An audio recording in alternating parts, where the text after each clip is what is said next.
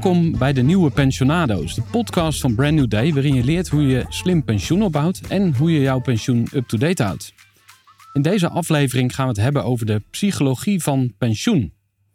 Mijn naam is Gerard de Velde en in deze aflevering ga ik in gesprek met Dirk Gerritsen, universitair docent beleggen en financiële markten aan de Universiteit Utrecht, en Judith van Suite, teamleider klantenservice bij Brand New Day. Dirk en Judith, van harte welkom bij de podcast. Dankjewel. Ja, en ik ga jullie wat nader introduceren. Ik begin bij jou, Judith. Je werkt al drie jaar als teamleider klantenservice bij Brand New Day. En naast je werk doe je ook een MBA in Consumer Marketing en Entrepreneurship. In je dagelijks werk heb je heel veel klantencontact. En dat geeft je ook goed inzicht in wat er echt speelt bij jullie klanten. Ook sta jij als lid van de generatie Z nog aan het begin van je loopbaan. Maar je hebt al wel nagedacht over je toekomst. En jij droomt ervan, en hier komt jouw pensioendroom, om gezond te zijn. Wat niet vanzelfsprekend is natuurlijk. Om veel vrijheid te hebben straks. En om dan lekker te gaan reizen bijvoorbeeld. En een goed gevulde bankrekening is natuurlijk een voorwaarde om dat te kunnen doen. En aan jou de vraag: wat heb je vandaag al geregeld voor die goed gevulde bankrekening? Nou, ik heb al wel een pensioenrekening. Ik uh, doe er nog niet heel veel mee. Um, ik ben van plan om zodra ik uh, niet meer studeer, want ik werk parttime en daarna studeer ik nog, dus uh, dan wel echt te gaan beginnen. Want ja, dan heb ik wel een beleggingshorizon van zo'n 45 jaar. Dus dat lijkt me op zich wel voordelig. Dat ik een beetje rendement op rendement kan pakken. Dus ik ben zeker van plan om daar snel mee te beginnen. Maar uh, ik ben er nu nog niet mee begonnen. Wel met sparen voor andere dingen natuurlijk. Ja, jij werkt natuurlijk bij Brand New Day. Dus je bent beter ge, geïnformeerd dan misschien anderen uh, in jouw omgeving. Uh, kan je daar iets over zeggen? Doen andere mensen van jouw generatie, om dan maar even zo te zeggen, ook uh, al iets aan pensioenopbouw? nou, ik merk wel dat het inderdaad nog niet heel erg speelt in mijn kringen. Ik denk dat het ook wel te maken heeft met dat ik bevind onder heel veel studenten. Dus dat nog niet heel hoog op de prioriteitenlijst staat. Maar uh, ik denk dat het een beetje getriggerd moet worden. Dus bijvoorbeeld bij mij is dat omdat ik dan bij een bank werk en in mijn dagelijks leven veel mee bezig ben. Maar ik denk ook als bijvoorbeeld je ouders met pensioen gaan of je iets in je naast omgeving hebt, waardoor dat een beetje wordt getriggerd dat mensen daarmee bezig zijn. En dat dat dus iets later is dan uh, waar ik me nu, ja, de kring waar ik me nu in bevind. Ja, laatste vraag ook uh, hierover aan jou. doe je ook iets om anderen in beweging te brengen? Bij een soort ja, andere mensen aan het pushen of aan stimuleren om wel iets te gaan doen? Mm, ja, ik ben er wel uh, actief mee bezig om mijn vriendinnen allemaal een beetje te laten beleggen. Maar dat is eigenlijk meer gefocust op het vrije beleggen. Dus meer op het, dat het nog op te nemen is. Dus bijvoorbeeld als we een reis willen gaan doen of iets anders willen doen, dat het goed is om daar alvast mee bezig te zijn. Maar nog niet echt met het pensioen. Maar uh, dat ga ik ook zeker doen over een tijdje. Interessant. Uh, Dirk, we gaan naar jou. Ik ga je voorstellen. En ik begin bij uh, 20 jaar geleden. Want jij verloor bijna 20 jaar geleden jouw hart aan de wetenschap. Toen je jouw eerste onderzoek deed aan de Universiteit Nijenrode. En nu als universitair docent aan de Universiteit Utrecht weet je alles van beleggen en van de werking van financiële markten. Je doet continu onderzoek samen met je team naar de laatste ontwikkelingen op het gebied van beleggen. Je hebt ook een pensioendroom. En je zei zelf, ja, hij is misschien een beetje cheesy, maar ik wil gewoon graag genieten van mijn kinderen en ik wil graag dat zij gelukkig zijn. Uh, en je hoopt je ook nog heel lang met onderzoek en onderwijs bezig te kunnen houden. Um, je zegt zelfs van, nou, ik zou eigenlijk naast mijn pensioen dat nog wel parttime willen doen. Dus ja, eigenlijk ga je dan niet met pensioen. Dus dat is wel, uh, wel interessant. Um, even ook aan jou de vraag. Wat, wat doe je nu al om uh, je pensioen veilig te stellen? Wat is er voor jou geregeld en wat doe je zelf? Uh, ja, bij, via de universiteit wordt er standaard bij het ABP uh, pensioen opgebouwd. Dus dat, uh, dat wordt in die zin voor je gedaan. Um, en daarnaast beleg ik ook voor, voor later, voor nog wat extra pensioen te hebben in ieder geval. misschien wel, nou, het is misschien een tegenstelling tot wat je net zei, dat ik door wil blijven werken tijdens mijn pensioen. Maar misschien nog wel wat eerder ermee stoppen, maar dan misschien parttime ermee stoppen. dat je daar in ieder geval dat, dat appeltje voor de dorst voor hebt. Um, heb je er ook een leeftijd bij in gedachten? Je zegt van nou, ongeveer dan zou ik al wel een stapje terug willen doen of zo? Of hoe, hoe concreet heb je dat? Nee, jezelf? dat nog niet. Maar ik denk dat dat ook wel afhangt van hoe je situatie tegen die tijd uh, eruit ziet. Je hebt mijn, mijn cheesy je pensioendroom al, uh, al verteld net. Uh, ja, misschien zijn er kleinkinderen, misschien niet. Ik bedoel, dat soort dingen zullen natuurlijk ook denk ik wel je, je prioriteiten doen aanpassen tegen die tijd.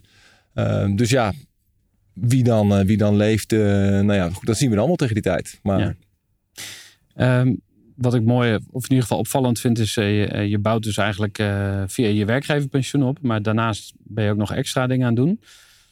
Misschien meteen even een tip of zo. Maar denk je dat dat voor meer mensen interessant is om uh, naast wat ze al doen iets extra's op te bouwen? Of is dat eigenlijk niet nodig?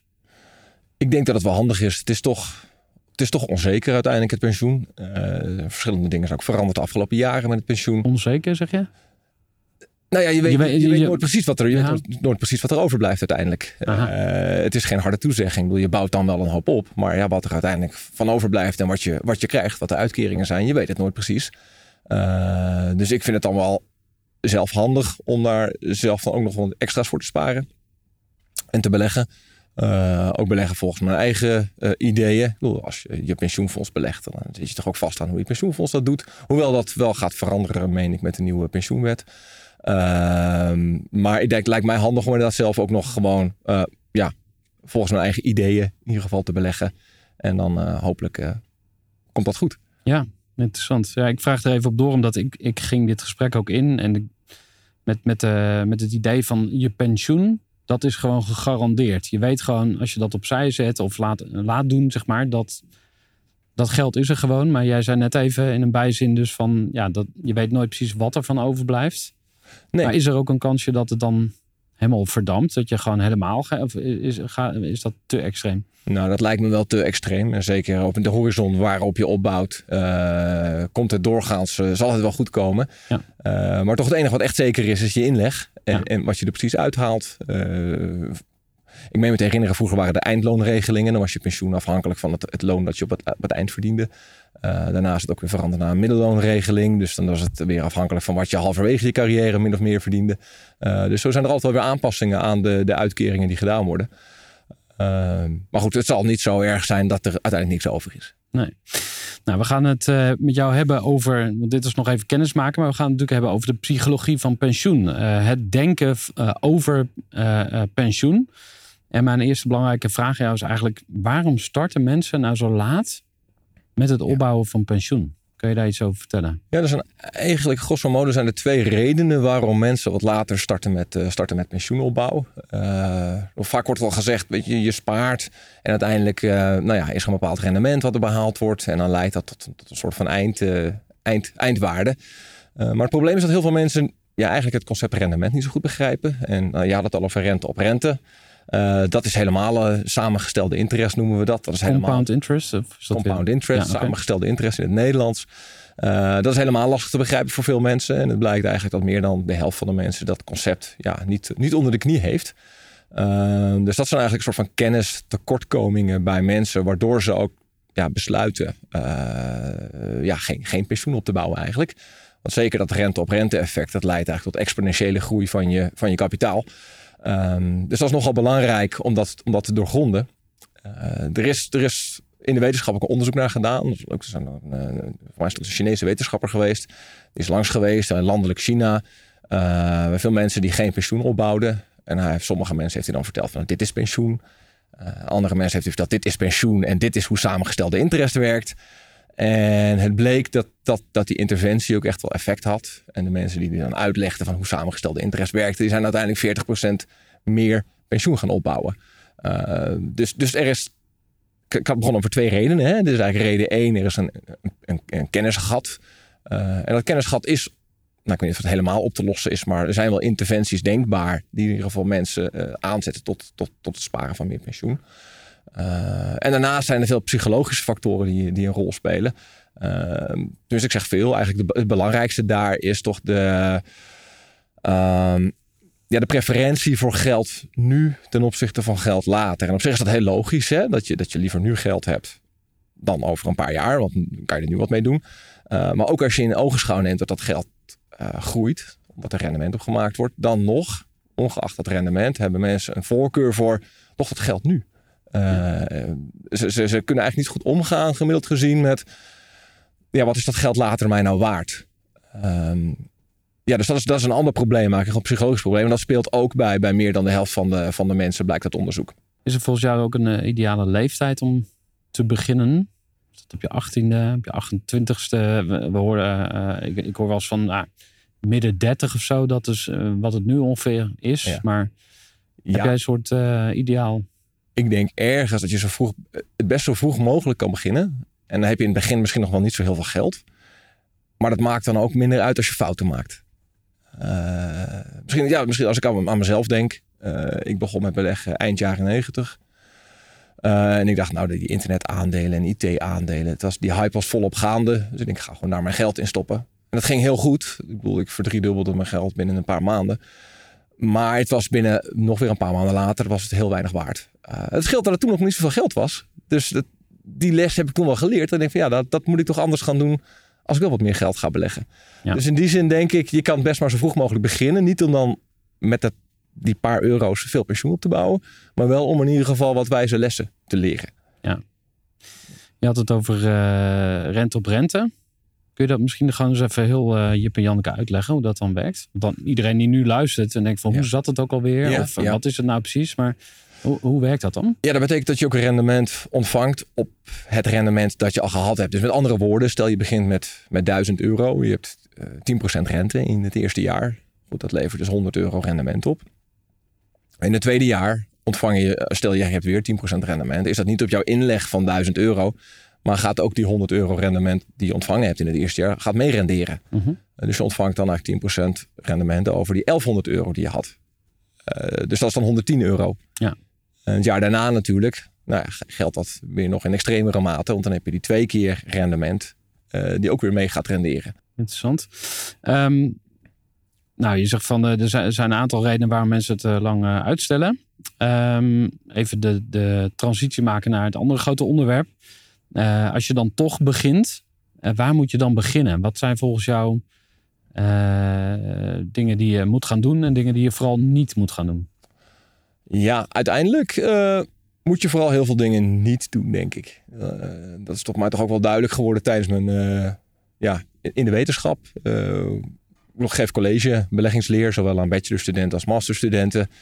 Gaat veel over waardering van aandelen, waardering van opties. Hoe, hoe werken die dingen? Veel studenten komen naar mijn eh, college toe en denken van nou, nou gaan, we, gaan we rijk worden. Hier krijg ik de tips eh, die, mij, die mij verder gaan helpen in het leven. Ehm, nou, nou, eigenlijk, eh, ik heb zelf ook veel, veel, veel gelezen. En dat moet er dan ook wel als je je college over geeft. En heel vaak blijkt toch dat eh, bijvoorbeeld veel handelen, dat kost gewoon rendement. Als je veel gaat handelen in aandelen, betaal je veel transactiekosten. Uiteindelijk leiden die transactiekosten tot een lager rendement. Eh, wil je aandelen gaan kiezen? Dus denk ik ga losse aandelen beleggen. Eh, ik kies eh, vandaag KPN en, eh, en morgen kies ik, kies ik Unilever. Heel vaak blijken mensen slecht in het moment van aankoop van een bepaald aandeel. Mensen blijken ook slecht in het timen van de markt als geheel. Vaak zijn als aandelen gestegen zijn, gaat men maar eens extra beleggen. Eh, zijn aandelen gedaald, dan stapt men eruit. Dat is dus precies eigenlijk het verkeerde, verkeerd, verkeerd om wat je zou moeten doen. Aha. Ehm, en dat is heel persistent. Dus dat zie je bijvoorbeeld in Amerikaans onderzoek, maar je ziet het ook in Nederlands onderzoek terugkomen. Eh, je zit ook continu eigenlijk over de tijd, eh, zie je die effecten optreden. Dus die, traden op in de jaren 70, maar die treden nu nog steeds op. Ehm, dus, dus juist die, die neiging eh, om het misschien wel beleggen misschien leuk te maken voor jezelf. Dan denk je van, nou, ik ga nu vandaag ga ik, ga ik eens een rendementje scoren met een bepaald aandeel. Dat zijn juist de, de, de, de neigingen die leiden tot een, een verlies aan rendement voor jezelf. Eh, dus die moet je eigenlijk onderdrukken. Dat is denk ik een belangrijkste les eh, ja, die je kan geven daar. Ja, want je hebt eigenlijk eh, actief beleggen. Hè? Dus zelf eh, aandelen kopen en verkopen. Ja. En je hebt passief beleggen. Zeg ik het dan goed? Of hoe, hoe zou jij dat verwoorden? Ja hoor, ja, ja, een actief beleggen komt denk ik ook in verschillende vormen voor. Ik bedoel, Je kan zelf natuurlijk actief beleggen. Eh, door inderdaad eh, zelf een aandelenportefeuille samen te stellen. Van, van, van aandelen waar je zelf in gelooft. Ehm, door bijvoorbeeld inderdaad te proberen de markt te timen. Dus op tijd in te stappen en weer uit te stappen. Dat zijn allemaal actieve strategieën die je zelf kan hanteren. Eh, maar er zijn ook beleggingsfondsen die ook actief, actief beheer hebben. Dus die hebben ook experts in dienst. En die proberen dan de markt te verslaan voor jou. Ehm, wat ik net al vertelde voor, voor particuliere beleggers, die vaak eh, zijn rendement missen door hun actieve gedrag. eh, geldt dat doorgaans ook voor actief beheerde beleggingsfondsen. Dus ondanks dat ze die experts in dienst hebben, blijkt het toch eh, erg lastig om de markt consequent te verslaan. Het lukt ze wel eens in een jaar, Maar grote kans dat het jaar daarna dat ze er weer achterblijven bij de markt. Ja.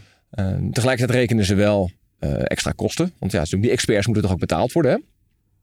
Ehm, dus, dus dat soort fondsen blijven juist achter bij de, bij de markt. Ehm, er zijn onderzoeken waar het blijkt van het is ongeveer een half tot 1 procent dat ze achterblijven bij de markt. Er zijn ook onderzoeken waar het juist blijkt dat ze, eh, eh, eh, ze, blijven bij de ze blijven achter bij de markt met hetzelfde percentage als hun kostenniveau. Dus hoe duurder ze zijn, dat geeft ook geen garantie op extra rendement. Juist meer op eh lager rendement eigenlijk. Ehm, dus dat zijn, die dat zijn actieve keuzes die je kunt maken. Maar die leiden dus vaak, of je het dan zelf doet of dat het fonds het doet, het leidt niet tot extra rendement voor jou als belegger. Mhm. Ehm, dan heb je dus ook passief beleggen. En passief betekent eigenlijk volg gewoon een index. En een index, daar bedoelen we de marktindex mee. Er worden nou, volgens mij zijn er op dit moment meer aandelen indices dan er aandelen zelf zijn wereldwijd. Eh, er worden een heleboel verschillende aandelen indices gecreëerd. Bijvoorbeeld op basis van groeipotentieel van bedrijven, op basis van eh, dividendniveau van bedrijven, op basis van boekwaarde van bedrijven. Nou ja, zo, je kan het zo gek niet maken of er worden wel indices eh, eh, samengesteld. Maar dat zijn eigenlijk allemaal actieve indices, want die besluiten actief af te wijken van gewoon de markt als geheel. Om het te begrijpen, hè, want ik Ja. ben dan zeg maar even representant van de luisteraar die, die eh, misschien niet weten. Dus, eh, luisteren waarschijnlijk ook mensen die het wel heel goed eh, Mhm, allemaal tuurlijk. snappen. Maar Ja. Actief beleggen is eh, risicovol, is gevaarlijk. Zou ik dan zo kunnen zeggen. En passief beleggen is in principe veiliger en aan te bevelen. Of Ja, met passief wat, beleggen. nou, laat ik het anders ja, zeggen. Wat ja. zou je aan, je aan, je aan je, je broer of je zus of je neef, die, die eigenlijk dan helemaal niet in de materie zit, maar wat zou je nou aanraden? Het punt met actief beleggen is dat je, je wijkt af van de markt. En misschien omdat je in een bepaald, bepaalde industrie gaat beleggen, een bepaalde sector bedoel ik. Eh, misschien omdat je dus alleen in groeiaandelen gaat beleggen. Eh, er zijn een heleboel manieren hoe je kunt afwijken van de markt. Maar dat, al die manieren zorgen er wel voor dat je dus minder gespreid belegt. En spreiding is, is, is, is zeer belangrijk voor je, uiteindelijk voor je beleggingsportefeuille. Want met spreiding ehm, dek je een hoop of, of, of eh, krijg je minder risico's in je portefeuille uiteindelijk. Ja. Ehm, legt niet al je eieren in één mandje. Dus eh, Ja. ja oké. ja, zeker. Ehm, dus in die zin, ook vanuit dat perspectief, is beleggen in de markt als geheel is eigenlijk een stuk eh, verstandiger. Want dan bereik je meer diversificatievoordelen, meer spreidingsvoordelen. Ja. Ehm, dat is eigenlijk één. Je risico wordt lager door te beleggen in de, eh, in de markt. Of door in een, bijvoorbeeld een wereldwijde markt. Er zitten dan iets van 1600 aandelen in. Of 1800 aandelen misschien zelfs. Dus dan zit je heel breed gespreid over een heleboel verschillende aandelen en sectoren. Ehm, ten tweede eh, zijn het vaak ook goedkopere opties. Ehm, door gewoon een normale inde- in, een index te volgen. Dan om zo'n ehm, specifiek gecreëerde index te volgen. Want ja, die mensen die dat creëren moeten ook weer betaald worden. Er gaan er kosten mee gepaard. Ehm, dus het enige wat je kan controleren eigenlijk als belegger is, is je kostenniveau. Eh, rendementen zijn inherent onzeker. Je hebt geen idee wat volgend jaar de markt gaat, eh, gaat doen. Dus ook vanuit dat oogpunt zou ik zeggen, ja, minimaliseer de kosten. En vaak zijn die kosten eh, het laagst bij indices die gewoon de brede markt volgen. Zijn er ook eh, dingen die eh, je buiten aandelen kan doen? Zou, zou je ook adviseren om ehm, ik wel, andere producten of, of in vastgoed te gaan? Je hoort ook mensen die, die zoeken het niet in aandelen, maar die zoeken het op andere plekken. Ja, ja. Hoe kijk je daarnaar? Ehm, kijk, vaak stelt men wel dat, ehm, kijk, aan- op een hele lange termijn doen aandelen doorgaans wel goed. Eh, maar op een gegeven moment word je natuurlijk ouder. Eh, het pensioen komt dichterbij. En dan zou je wel kunnen overwegen om iets meer uit aandelen te stappen. En bijvoorbeeld meer in obligaties te stappen. Omdat obligaties toch ook weer wat veiliger zijn. Eh, mocht je 65 zijn en de beurs stort in. En je wilt twee jaar later met pensioen. is de kans vrij klein dat je hele waarde weer, weer terug is waar, waar het was op je 65ste. Ja. Ehm, dus vaak zie je wel dat, dat men aanraadt om inderdaad gedurende de leven. eh, men noemt het ook wel lifecycle beleggen. Eh, begin veel in aandelen en uiteindelijk bouw dat wat af met de jaren. En zorg dat je iets meer in de, de, de iets meer veiliger geachte obligaties gaat zitten. Ja. Eh, dus dat kan ik op zich wel aanraden. Ehm, je vroeg ook vastgoed. Ja. Ehm, wat ik weet uit de literatuur is dat het rendement van aandelen, het rendement van vastgoed eigenlijk niet heel veel ontloopt. Ehm, dus ja, ik denk dat het, terwijl je met vastgoed wel, denk ik, wat meer hassle hebt. Als je tenminste een huis hebt die je gaat verhuren. Uh, je moet het onderhouden. Uh, je moet weten hoe de belastingregels werken daar. Uh, dus puur uit gemak oogpunt. En eigenlijk ook uit rendement oogpunt zou ik zeggen. Um, ja, stap in die wereldwijde index. Je hebt er misschien iets meer emotie bij. Dan bij een pandje dat je, dat je hebt. Maar qua rendement en gedoe is het denk ik handiger. Ja, interessant. Judith, hoe, uh, hoe kijk jij naar? Want uh, jij spreekt met klanten. Met wat voor vragen komen ze bij jullie terecht? nou, soms wordt er wel gevraagd van ik wil alleen in dit bedrijf beleggen. Kan ik een aandeel kopen? maar daar zijn wij niet de juiste aanbieder voor. Want wij hebben wel echt alleen maar indexfondsen. dus je belegt echt in duizenden bedrijven tegelijkertijd. Dus inderdaad, ook om dat risico te spreiden, zitten heel veel verschillende ja, sectoren in zo'n fonds. Dus gaat het in de techsector heel slecht en in een andere weer wat beter, dan is dat gewoon, wordt het een beetje gebalanceerd. En dat is waarom het uh, zo veilig is. Um, ja, zelf denk ik ook wel dat het met pensioen een stuk um, realistischer is. Want als je een beleggingshorizon van 30 jaar hebt en je gaat actief beleggen, dan moet je er best wel dicht op zitten. Dus ga je losse bedrijven beleggen, moet je natuurlijk in de gaten houden. Gaat dat goed? Moet ik bijkopen? Moet ik verkopen? Uh, en beleg je in een indexfonds, dan kan je het gewoon iets meer uh, laten rusten. En als je daarnaast ook nog gewoon een baan hebt en een leven, dan is het misschien wat realistischer om uh, daarmee een indexfonds te beleggen. Ja. Ik geloof daar zelf wel meer in. Ja, en is er ook een ondergrens of zo, minimale inleg? Die zegt van nou, je moet zoveel per maand kunnen inbrengen of zo? Of, um, nee, in principe, er zijn geen verplichtingen. Iemand hoeft niet per se in te leggen. Als je even tijdelijk wat minder uh, ruim zit en even geen, niet wil inleggen, dan is dat helemaal oké. Dan kan dat gewoon worden stopgezet en dan een paar maanden of een paar jaar later weer worden aangezet. Dus dat is, nee, er is niet een per se minimale inleg waaraan iemand moet voldoen. Ja, oké. Wel, Ga je gang? Ja, het is wel leuk. Je zat net over die losse aandelen die je zou kunnen kopen. Uh, en dat je er eigenlijk de tijd niet voor hebt. Het is, het is ingewikkeld. Uh, dat is wat, wat je ziet en in de wetenschap ook, wat men, waar men echt van overtuigd is, dat de markten behoorlijk efficiënt zijn. In de zin dat nieuwe informatie heel snel in de koers verwerkt wordt. Dus als je kijkt gewoon naar een bepaald aandeel, de koers die het heeft, is ook wel ongeveer de waarde die dat aandeel op dit moment vertegenwoordigt. Uh, eerst komt er nieuwe informatie uit over een bedrijf. Dan zal je zien dat dat binnen enkele seconden in de koers verwerkt is. Uh, en jij als, als particuliere belegger ja, bent eigenlijk gewoon te laat. Uh, al weet je, na, na een uur wil je je koop, je, je koop of je verkoopbeslissing maken. Je zult altijd achter de, achter de professionals aanlopen. dus dat is denk ik nog een andere reden om dat vooral niet te gaan doen. Om je daar niet mee bezig te houden. Want je ligt toch achter op de, op de echte professionals. En de koers die je ziet, ja, dat is de koers die het nu waard is. Ja. ja er zijn uiteraard mensen die er heel goed in zijn. Maar um, ja, ik denk als je, dat je er echt heel dicht op moet zitten om echt uh, goede winst eruit te halen. Ja, maar voor wie is het dan weggelegd? Is dat dan voor jou? Denk je dat Dick dit. Of is hij eigenlijk zichzelf ook voor de gek aan het houden en wordt hij ook weer verslagen door de computer? Wat denk jij? Nou, ik denk dat het überhaupt gewoon heel moeilijk is om de markt te verslaan. Dus ik denk dat. Ja, er zijn natuurlijk mensen die daar elke ja, die dat als baan hebben en die er constant mee bezig zijn. Ik denk dat het er dan wel in zit. Maar van mezelf weet ik dat ik naast, naast gewoon het normale leven daar geen, uh, niet genoeg tijd voor zou hebben. En ik denk uh, dat voor Dirk ook uh, handig is om in een indexfonds te beleggen. Toch wel? Wil je daar eens op reageren, Dirk? Zeker, zeker. Ik heb het wel eens geprobeerd overigens, op basis van allemaal handelsregels om de beurs te verslaan. elk kwartaal ging ik dan, dus ik ging niet dag op dag handelen. Uh, maar elk kwartaal op basis van handelsregels ga ik mijn portefeuille aanpassen. Maar ik vond het zo'n gedoe. En het, ik heb het een jaar volgehouden van anderhalf. En ik denk, ja, wat ben ik nou eigenlijk mee bezig? Uh, misschien dat dit over tien jaar een paar procent extra rendement op gaat leveren. Maar ja, ik heb er helemaal geen zin in. Dus uh, ik heb het allemaal weer in de prullenbak gegooid. En ik ben gewoon weer een wereldindex gaan volgen. Ja.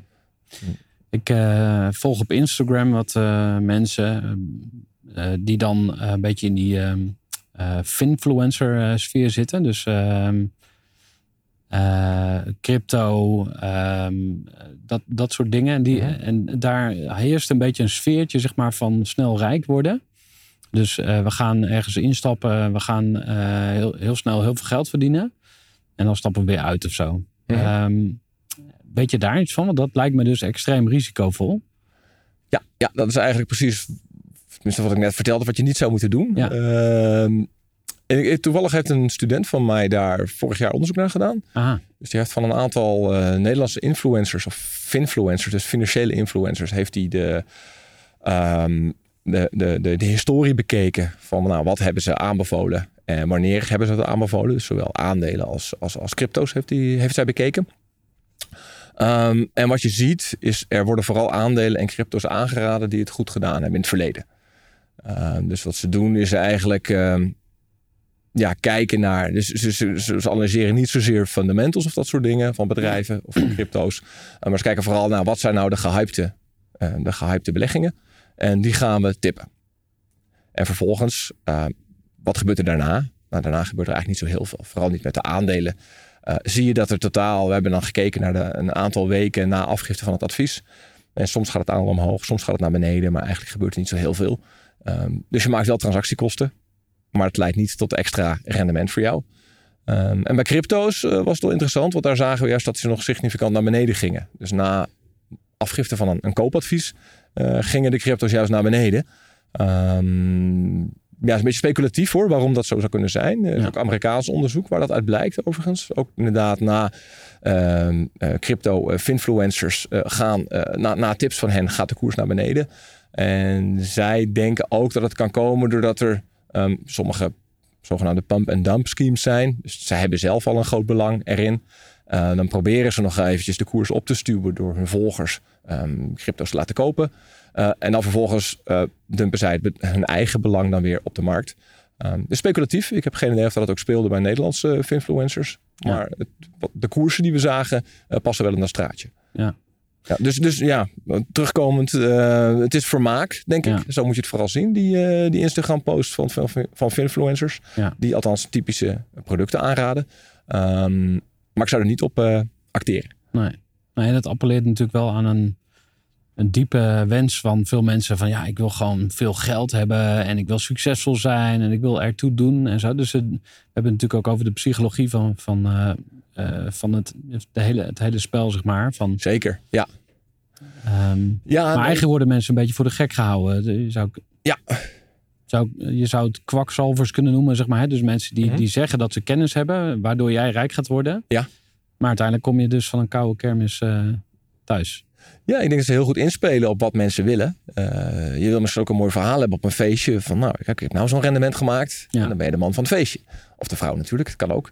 Um, maar ja, zo, zo, en daar, daar appelleren ze inderdaad aan. En proberen ze tips te geven. Uh, maar uiteindelijk denk ik gewoon dat het belang, belangrijk is dat ze mogen doen wat mij betreft wat ze willen. Maar ik denk dat het heel belangrijk is voor hun volgers om gewoon te begrijpen.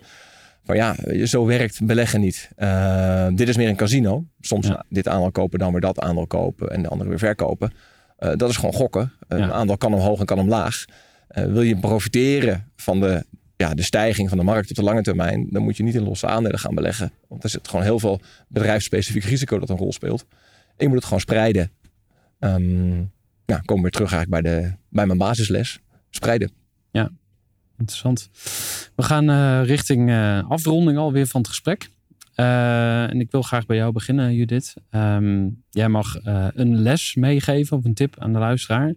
Is er één ding waarvan je denkt nou, als je iets moet onthouden, neem dan dit mee. Wat zou jij dan willen zeggen? Ja, ik denk vooral rustig blijven als het wat minder goed gaat. Want ja, ook als we de afgelopen drie jaar zien, er is een hele hoop gebeurd op de beleggingsmarkt. Er is pandemie gehad, een aantal conflicten. En op dat moment is er een dipje en dan uh, ja, is het natuurlijk gewoon spannend, want je geld staat op het spel. Maar het herstelt zich altijd weer. En het is zo zonde als je dan uit die fondsen bent gegaan of uit uh, die obligaties natuurlijk ook. Dus ik denk dat dat wel het belangrijkste is om in je achterhoofd te houden. Al helemaal met een lange beleggingshorizon. Uh, hou gewoon die lange termijn visie in je achterhoofd. En dan komt het eigenlijk altijd wel goed. Mooi, dankjewel. Dirk, ook aan, uh, aan jou de vraag. Is er één les waarvan jij zegt van... Hey, die zou ik wel aan iedereen willen meegeven? Dat moet op een uh, billboard langs de snelweg. Ja, ik gaf net al mee. Uh, spreiden is belangrijk. Um, inderdaad, blijf rustig zitten als de koers naar beneden gaat. Wat, jij net ook al vertelde. Um, ja, raak niet in paniek. Het, komt, het sluit eigenlijk heel erg aan, denk ik, bij de lessen die jij net ook al uh, wilde meegeven. Um, ga vooral niet, uh, laat, je niet ver, laat je niet verleiden. Ik denk dat dat eigenlijk de, de belangrijkste les is. Ja, mooi.